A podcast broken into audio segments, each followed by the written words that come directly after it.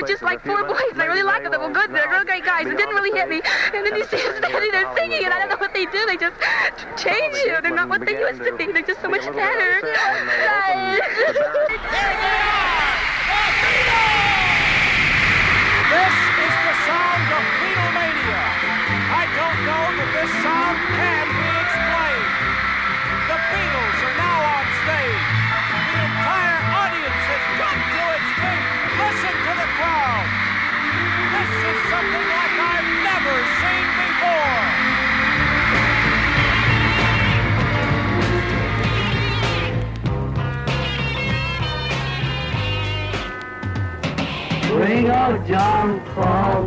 מסע הקסם המסתורי, סיפורה של להקת החיפושיות. מסע הקסם המסתורי, סדרת תוכניות בעריכת יואב קוטנר. והיום הפרק ה-22, Rubber Soul, נשמה מגומי.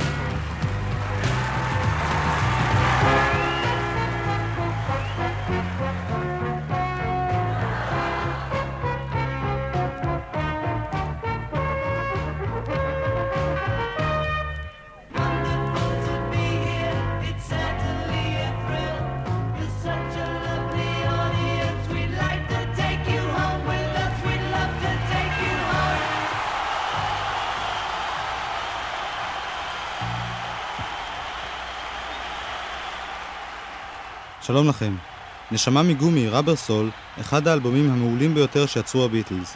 היום הגענו אליו. אות הפתיחה של התוכנית והצרחות שאנחנו שומעים ברקע ממחישים את האווירה בה חיו ג'ון, פול, ג'ורג' ורינגו באותה תקופה.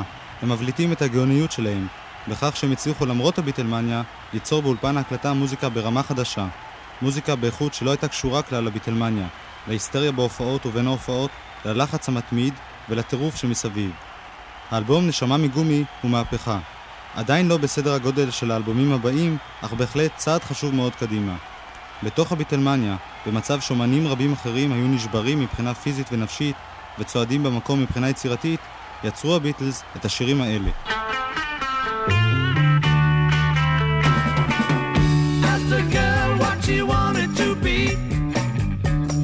Baby, can't you see?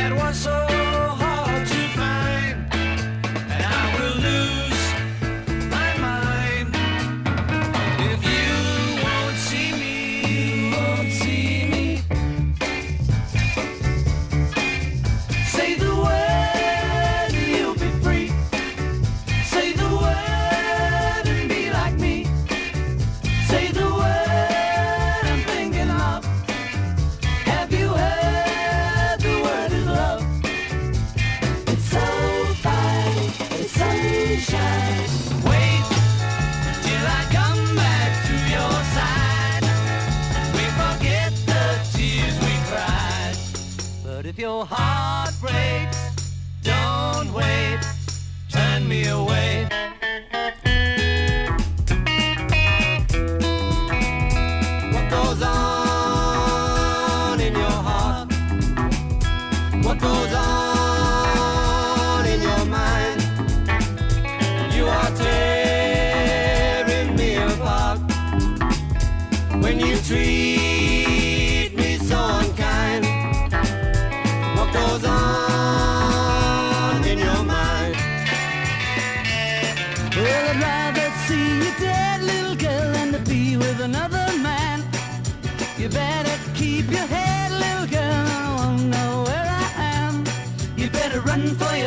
Can, little girl.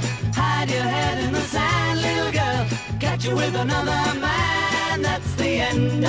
little girl.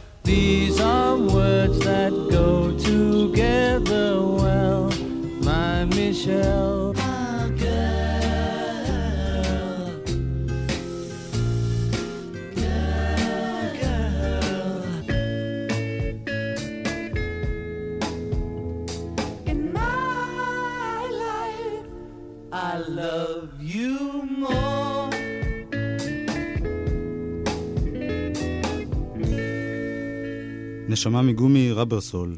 אנחנו נעסוק באלבום הזה בהרחבה בתוכנית היום, וגם קצת בתוכנית הבאה.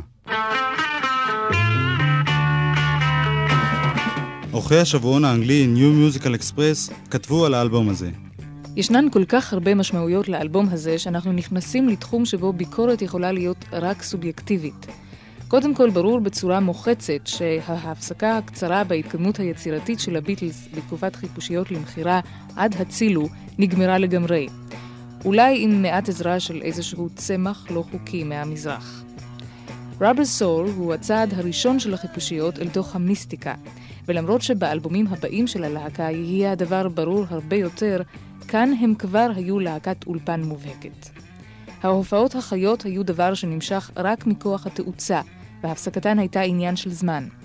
רבר סול היה נקודת מפנה בהתפתחות של הביטלס בפרט, ובעולם עריכי הנגן בכלל. כאן כבר ברור שלביטלס לא חשובה עוד התדמית שלהם בעיני הקהל הרחב, הם ויתרו על תדמית ארבעת הבחורים העליזים והנחמדים. עכשיו הם הפכו לאומנים של ממש, וכאומנים הם רצו שהדברים ייעשו בדרך שלהם, למען האומנות. רבר סול היה כזה. Rubber Soul, נשמה מגומי. את השם הזה המציא פול מקארטני. זה היה משחק מילים שלעג לאומנים לבנים המנסים ליצור מוזיקת נשמה. פול כתב גם שיר בשם נשמה מגומי, אך השיר לא הוקלט מעולם. מקארטני אמר על התקליט Rubber Soul. To me, all I can remember is that was a kind of straightforward album. Rubber Soul was just like a funny title. You know, that's the sort of bit I remember most about it, just being a kind of catchy, silly title. בשבילי זה היה אלבום פשוט וישיר, אומר פול. הכותרת רבר סול הייתה סתם כותרת מצחיקה, כותרת שטותית נחמדה. פול כתב גם את השיר הפותח את האלבום, Drive My Car, והוא מנגן בהקלטה בפסנתר. ג'ון אמר שתפקיד הבאס לקוח מהצליל של מוטאון, חברת התקליטים של מוזיקת הנשמה השחורה.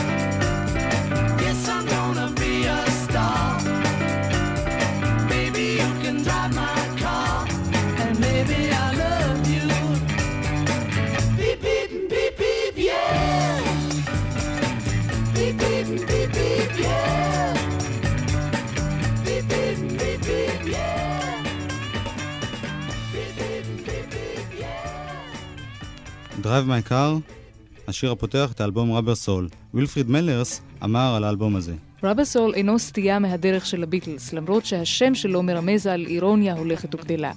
התמלילים בעיקר של ג'ון שנונים יותר מאשר אי פעם בעבר, אבל הכוח שלהם לגרום לנו לצחוק אינו פוגם ברכות שלהם. השיר הראשון, Drive My Car, הוא דוגמה טובה לכך. זה שיר אנטי נערה שבו ההומור בלתי מכאיב. שאלתי נערה מה היא רוצה להיות. היא אמרה, אינך יכול לראות? אני רוצה להיות מפורסמת, כוכבת קולנוע, אבל יש משהו שאתה יכול לעשות בינתיים. Baby, אתה יכול לנהוג במכונית שלי, ואולי אני אוהב אותך. לועגים לנערה בקלילות ובעדינות. השירה של מנוע המכונית, beep, היא מצחיקה או אפילו מגוחכת.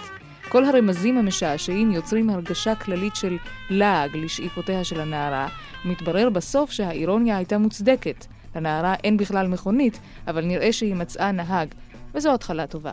וילפריד מלרס, הפרשן הנודע של שירי הביטלס. פול מקארטני כתב גם את השיר הבא, You won't see me, לא תראי אותי. שוב הוא מנגן בפסנתר, ומל אבנס, העוזר האישי של הביטלס, מקבל את הכבוד לנגן באורגן המונד.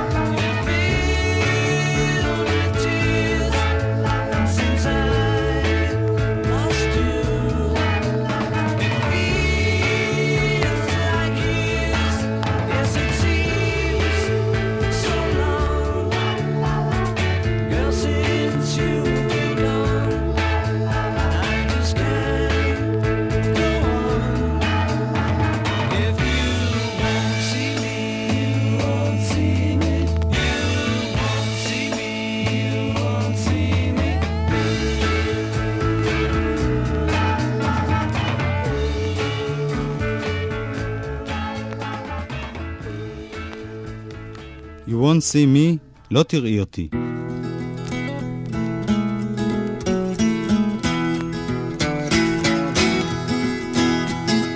בשיר הבא מופיע בפעם הראשונה אצל הביטלס כלי נגינה מן המזרח, סיטר.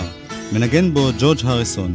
על השיר הזה, עץ נורבגי, סיפר ג'ון לנון. ניסיתי לכתוב על רומן שלי בלי שאשתי תבין שאני כותב על כך, אז השיר יצא בשפה מעורפלת מאוד.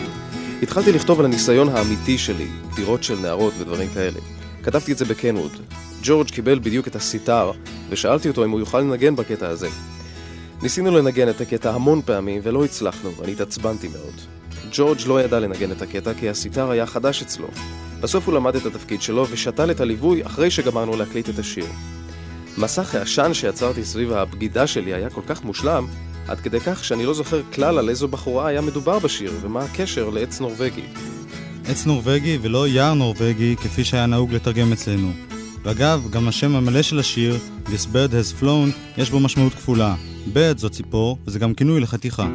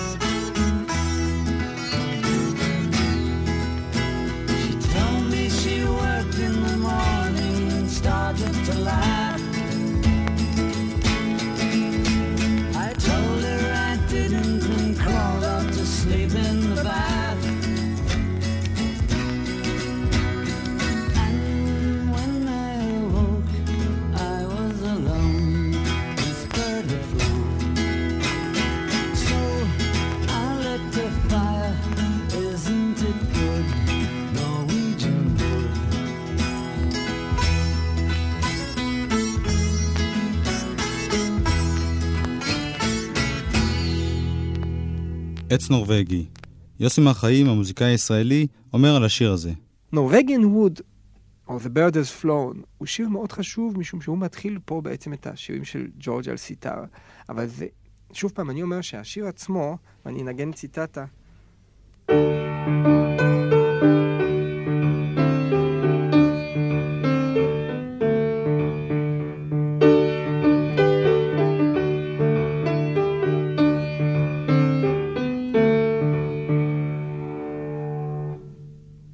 הזה הוא, הוא אופייני מאוד לג'ורג' דווקא, למרות שלא הוא חיבר את זה. ובאמת, החלק האמצעי, אין בינו ובין מוזיקה הודית שום דבר.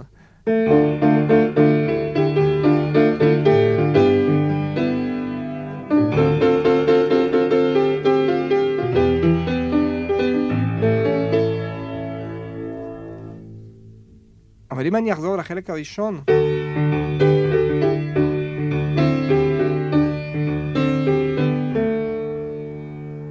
בעיקר הסלסול זה לא דבר ששמענו אצל הביטלס מקודם. לפי דעתי זו הוכחה שפה הביטלס מתחילים להשתלט על סגנונות, וזה מתחיל להתברר ברבר סול, זה לא היה מקודם. אני גם לא חושב שהם היו מספיק בעמדה של כוח, שהם היו יכולים להרשות לעצמם לסטות איכשהו מהסגנון ה... או מתוק, או רוק. ברבר סול, התחלות של כל הדברים החשובים של הביטלס. והנה עוד דוגמה לאחת ההתחלות החשובות של השירים של הביטלס.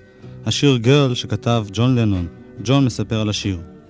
את השיר הזה כתבתי על נערת חלומות. כשפול ואני כתבנו שירים בהתחלה, היינו צוחקים על כל העניין של התמלילים. רק בשלב הזה התחלנו לנסות להגיע גם בתמלילים לרמה של המוסיקה. אני אוהב מאוד את השיר הזה, הוא אחד הכי טובים שלי. ניסיתי להגיד בשיר הזה משהו על הנצרות שהתנגדתי לה מאוד באותה תקופה. השיר מדבר על נערה שחונכה כשהייתה צעירה, שכאב יוביל להנאה. האם היא הבינה את זה?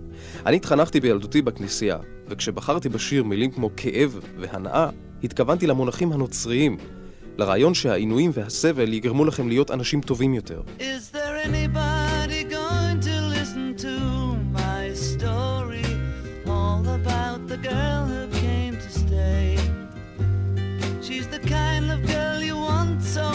it makes you sorry. Still, you don't regret a single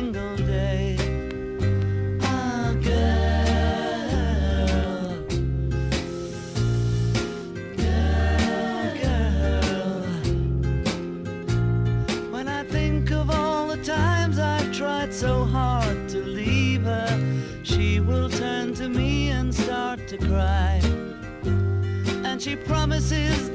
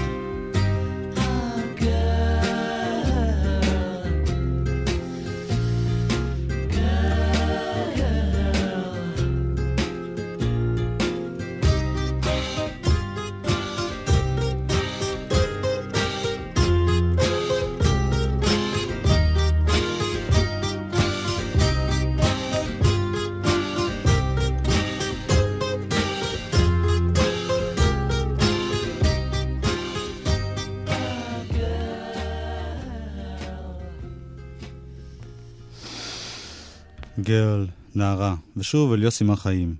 בשיר גרל, שהמילים שלו הם כל כך מילים של ביטלס, והמתיקות של הכל כל כך מתיקות של ביטלס, הייתי יכול להשלות אנשים שהם שומעים שיר יווני של חג'ידקיס.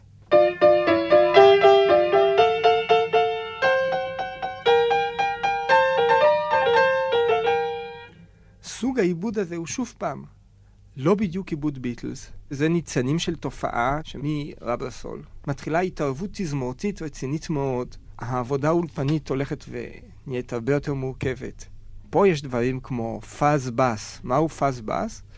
פאז הוא דבר שבדרך כלל משתמשים בו לגיטרה כדי להעצים, להגדיל את הסאונד של הגיטרה, לעשות אותו הרבה יותר חזק, וגם באיזשהו מובן מעוות. פאז בס, שמופיע בשיר Sing for Yourself, הוא שימוש של גיטרה, זאת אומרת, שימוש של מכשיר גיטרה לבאס, ופעם ראשונה שמופיע פאז בס בכלל, נדמה לי, בהיסטוריה של רוק זה בתקליט הזה. ואת השיר הזה כתב ג'ורג' הריסון. I've got a word or two to say about the things that you do.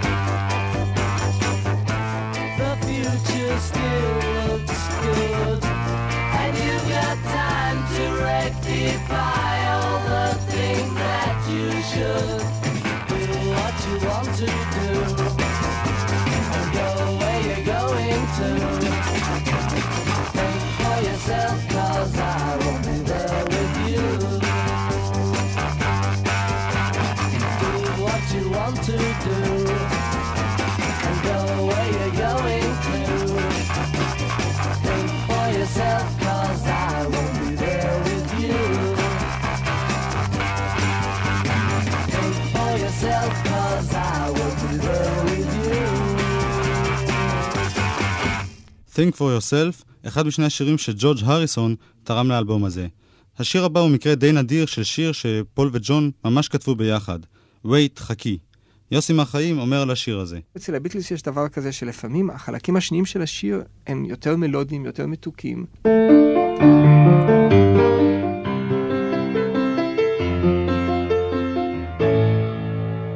ואילו החלק הראשון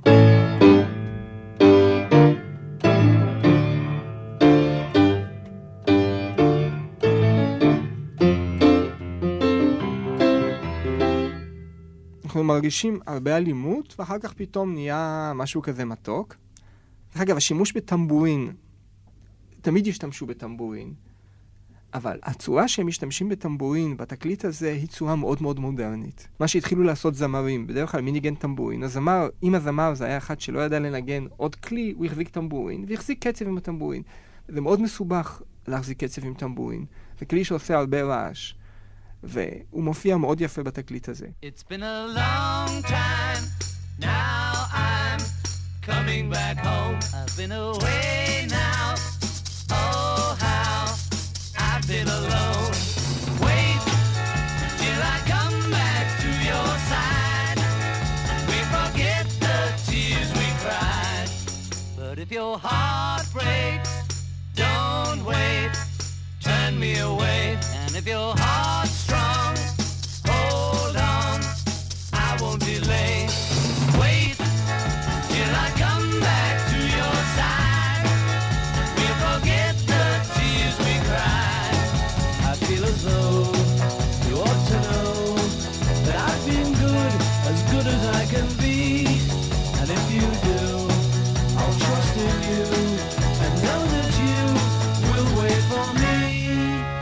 Been a long time.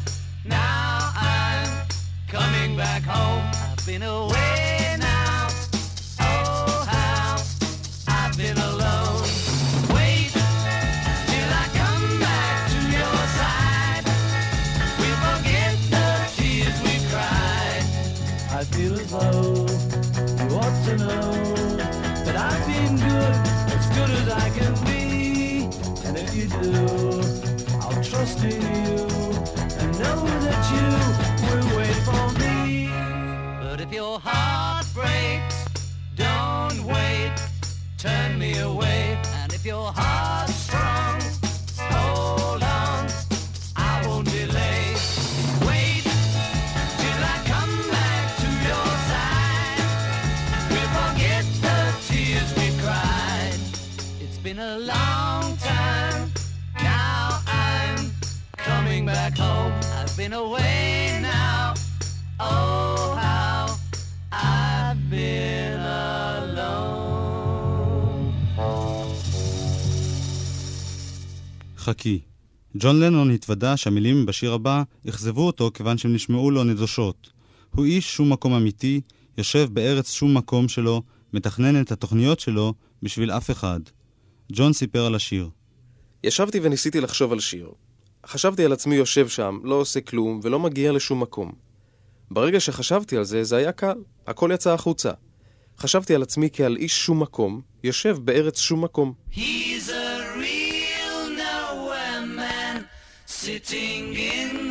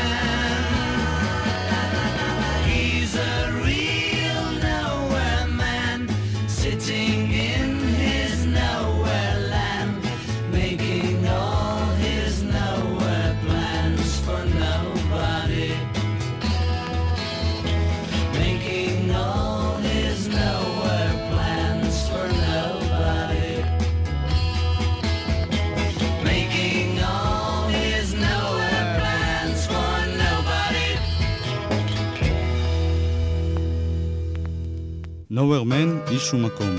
אחד השירים הבודדים באלבום הזה שהוקלטו בטייק אחד, כלומר בפעם אחת, בבת אחת. בתקופת הקלטת ראבר סול חלה מהפכה של ממש ביחסים שבין החיפושיות ג'ורג' מרטין ואולפן ההקלטה. אולפן 2 באולפני אבי רוד נוצל כמעט אך ורק לצורכי הביטלס. ג'ורג' מרטין לא היה זקוק יותר להזמנה מוקדמת של שעות אולפן ללהקה, כפי שמקובל אצל כל אומן שמקליט, בשלב זה הבינה חברת EMI סוף סוף את חשיבות הביטלס, ונתנה להם שעות אולפן ללא הגבלה. בכל רגע שג'ון או פול חשו צורך להקליט, מיד התייצבו לשירותם המפיק ג'ורג' מרטין והטכנאי נורמן סמית. גם הדרך המקובלת של עבודה באולפן שונתה לחלוטין. הנוהג שצריך לגמור את ההקלטות במהירות האפשרית בגלל יוקר שעות האולפן בוטל. אולפן ההקלטה הפך למעשה לחדר חזרות של הלהקה, ששיפרה ושינתה שירים תוך כדי הקלטתם. עכשיו היה להם מכשיר הקלטה בן ארבעה ערוצים, והיה להם זמן רב לבדוק את כל האפשרויות ולהגיע בדיוק לצליל אליו שאפו. אם Please Please Me הוקלט בבת אחת במהירות היסטרית של 13 שעות, הרי Rubber Soul צמח לאט לאט במשך שבועות אחדים של עבודה. גם ג'ון וגם פול ניצלו את חידושי הטכניקה של אותם ימים להקמת אולפן קטן בביתם. באולפן הזה הם היו מכינים הקלטות דוגמה של השירים בזמנם החופשי, ועל בסיס ההקלטות האלה נערכו ההקלטות המקצועיות באולפני אבי רוד. באולפן היו ג'ון ופול מבקשים, או דורשים, מג'ורג' מרטין, תן לנו צליל כזה וכזה, כאן אנחנו רוצים קטע בסגנון באך, כאן ליווי מתרים וכדומה. ג'ורג' מרטין ונורמן סמית היו חייבים למצוא פתרונות לבקשותיהם מרחיקות הלכת של ג'ון ופול. ג'ורג' מרטין אומר, They were very quick learners, you know. After the first couple of years, they knew almost as much about recording as I did. And they were always wanting to experiment, always asking questions. הם למדו מהר מאוד. אחרי שנים אחדות הם ידעו על הקלטות כמעט כמוני והם תמיד רצו להתפתח. תמיד רצו לנסות דברים ושאלו שאלות כל הזמן. ג'ורג' מרטין. רבים מגדירים את האלבום הזה, כפי ששמענו בתחילת התוכנית, כצעד הראשון של הביטלס אל תוך המיסטיקה, אל המוזיקה הפסיכדלית. שאלתי את יוסי מהחיים אם זו גם דעתו. אני לא הייתי מכניס כאן מוזיקה פסיכדלית ממש, משום שלא מספיק, נאמר שמילים מסוימות תופענה ואיזשהו קצת סיטר, למשל שמופיע קצת סיטר, זה עדיין לא עושה את זה התעניינות בהודו.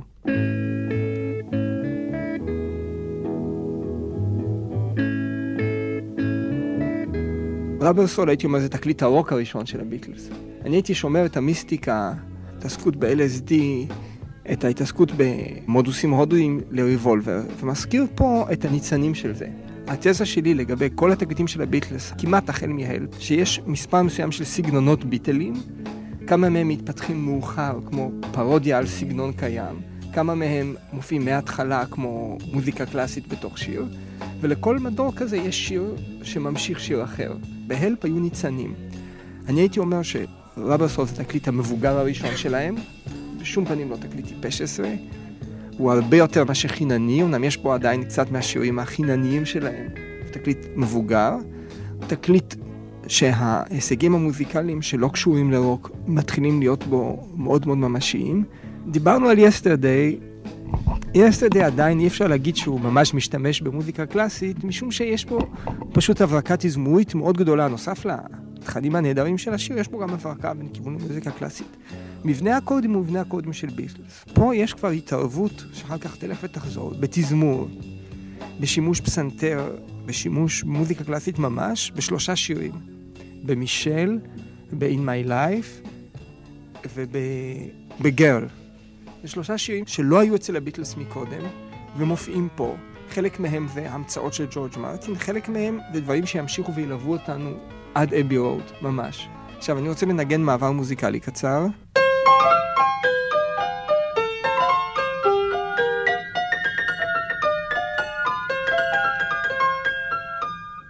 חובבי ביטלס מכירים את הקטע הזה, שמושמע על ידי פסנתר ופסנתר חשמלי באותו זמן, או על ידי פסנתר וצ'מבלו, קשה לדעת, בכל אופן יש שם לפחות שני פסנתרים, בשיר In My Life. עכשיו, השיר In My Life בעצמו לא דורש את העיבוד הזה. השיר הזה הוא לא שיר קלאסי, הוא לא כמו Yesterday. פשוט בשיר הזה, In My Life, מתחיל להופיע איזשהו פטרן, איזשהו דוגמה של הוספה של צבע מחוץ ללהקה. וזה יגיע לשיא בסשנו פפר, זה יהיה כל כך מחוץ ללהקה שצריך לקחת תזמורת שלמה כדי ללוות אותם.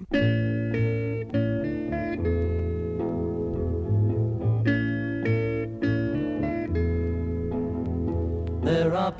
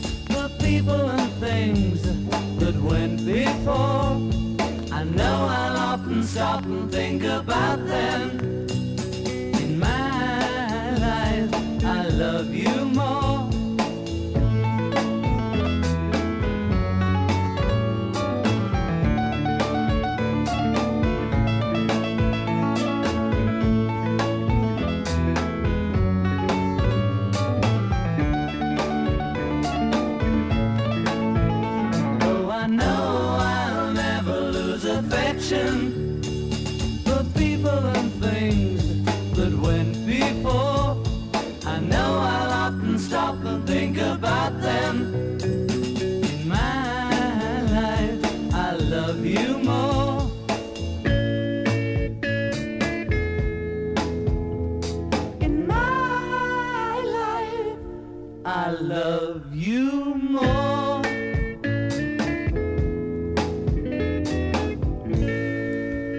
My Life, בחיי.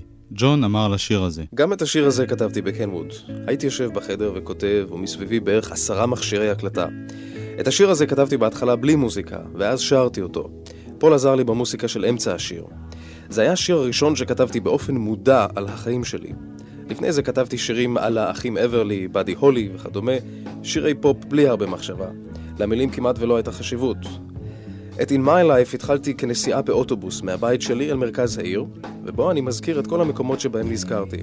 כתבתי את זה, וזה היה משעמם. אז שכחתי את הרעיון הזה, ישבתי רגוע ושקט, והתמליל הזה התחיל לבוא לי על חברים ואהובים מהעבר.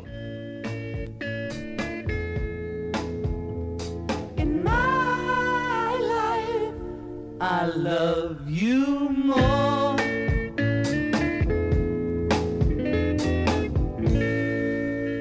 גם השיר הבא נכתב על ידי ג'ון לנון.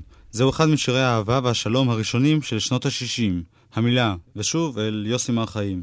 השירים Wait, Run for your life ו-The Word. אני אומר שהם קבוצה. שלושת השירים האלה מביאים את הקצב, מה שקראו לו בזמנו The Big Beat, זה הקצב הזה.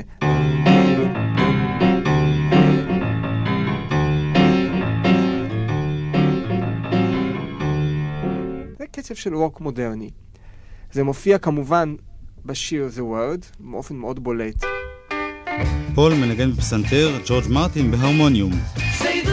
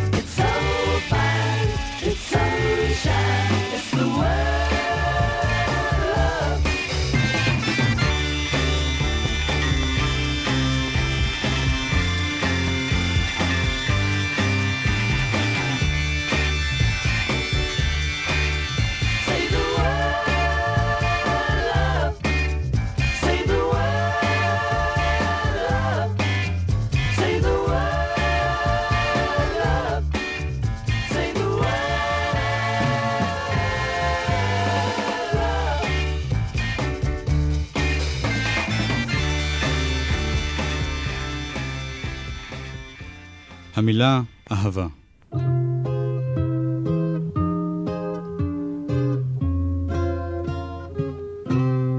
וילפריד מלרס כתב על השיר The Word, המילה. דווקא על השיר הקטן הזה יש חשיבות בהתפתחות של הביטלס, כיוון שהאיכויות הקסומות שראינו מרומזות בהרבה משיריהם הראשונים, הופכות כאן לברורות ומפורשות. בתקופת לילה של יום מפרך, הם למדו שהאהבה אינה יחסים פשוטים של נער פוגש נערה כפי שזה נראה, והרגשות הנוצרים במפגשים בין המינים הם גם מתסכלים, בלתי ניתנים להפרדה מהמתרחש בעולם הסובב, בלתי ניתנים להפרדה מהאישור שנותנת הסביבה, המשתמשת במילה אהבה רק במובנה המילולי. וילפריד מלרס. פול מקארטני, בשיר האהבה הנפלא שהוא כתב, מישל לא מצא מספיק מילים באנגלית להביע את רגשותיו. הוא נאלץ להיעזר במילים בצרפתית. פול מספר. היה לי כיף לכתוב מילים צרפתיות, והיה לי חבר שאשתו למדה צרפתית. ישבנו יחד, וביקשתי ממנה מילים צרפתיות.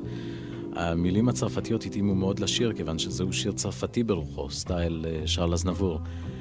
אני לא יודע לדבר צרפתית, אז היינו צריכים לבחור מילים שישמעו טוב גם במבטא שלי. וג'ון אמר שאת הקטע I love you, I love you, I love you הוא הציע לפול בהשפעת שירתה של נינה סימון. השיר מישל זכה בפרס גרמי, האוסקר של עולם התקליטים. הוא נבחר כשיר הטוב ביותר של השנה.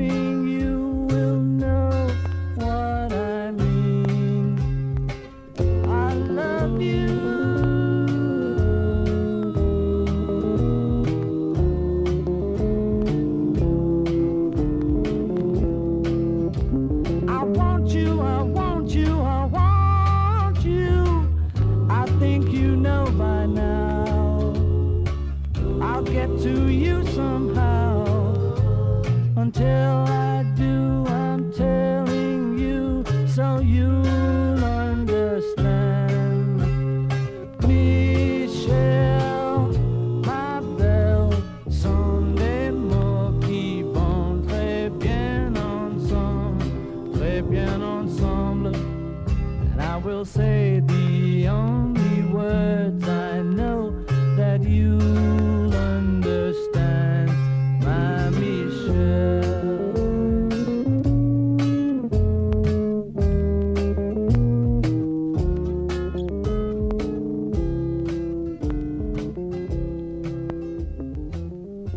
מישל.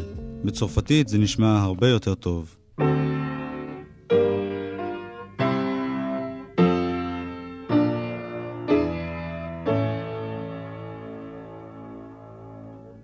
כאן אין מה לדבר האם זה אליזביטני או לא אליזביטני, משום שזאת מערכת שקיימת במוזיקת ברוק ומוזיקת רוקוקו צרפתית. זה דווקא די צרפתי, הדבר הזה.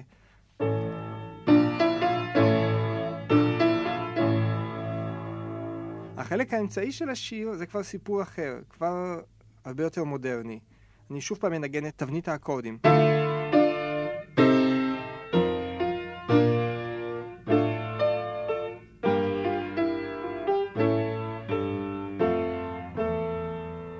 שוב פעם, לא מקורית. צריכים להבין שהדברים שאנחנו ניתחנו בהלפ, שהיו דברים שלא היו מקודם בעולם הרוק, צירופי הקודים, מופיעים גם פה, הם מופיעים כאן בשיר כמו Sing for Yourself, מופיעים ב-Drive My Car, מופיעים ב-You Won't See Me. בשיר מישל התבנית היא קלאסית.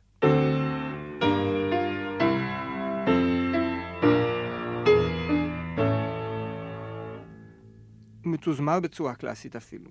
ואחת הסיבות שמישל זה שיר שמתזמרים אותו בלי סוף. למעשה מישל הוא כבר מתקרב להיות תרגיל סגנוני.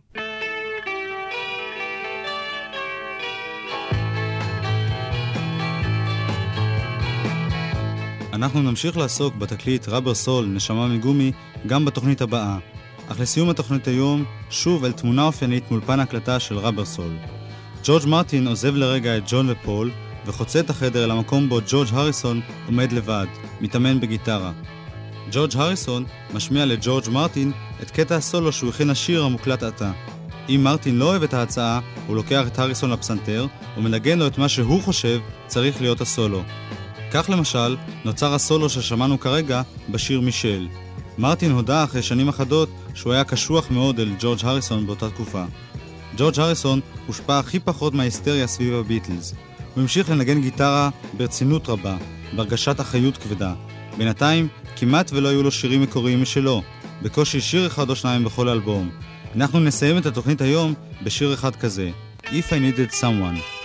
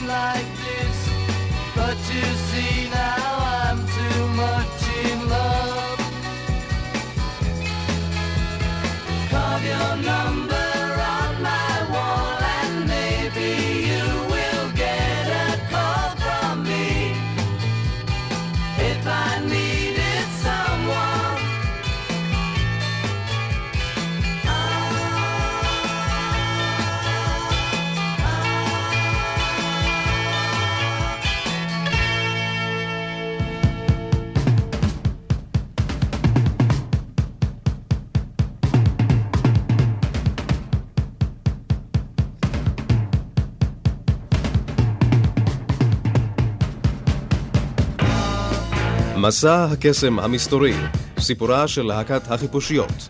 סדרת תוכניות בעריכת יואב קוטנר. עוזר עריכה עודד היילברונר. הקלטות נדירות הלל אברמוב. הקליט דורון זאב. בתוכנית הבאה, Paperback Writer, סופר ספרי כיס.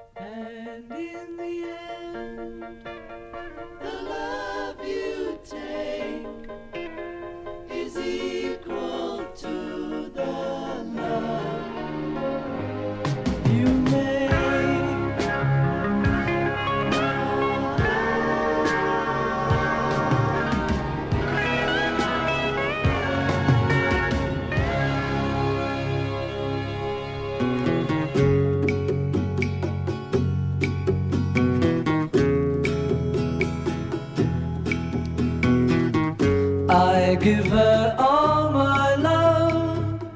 That's all I do.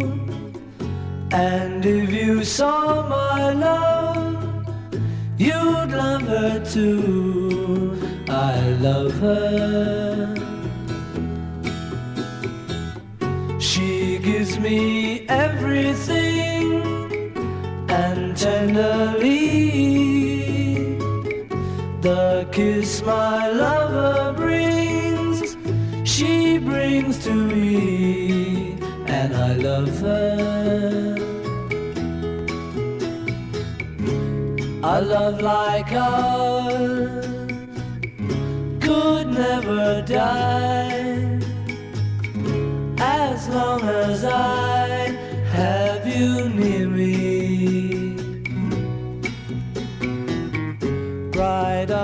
stars that shine, dark is the sky.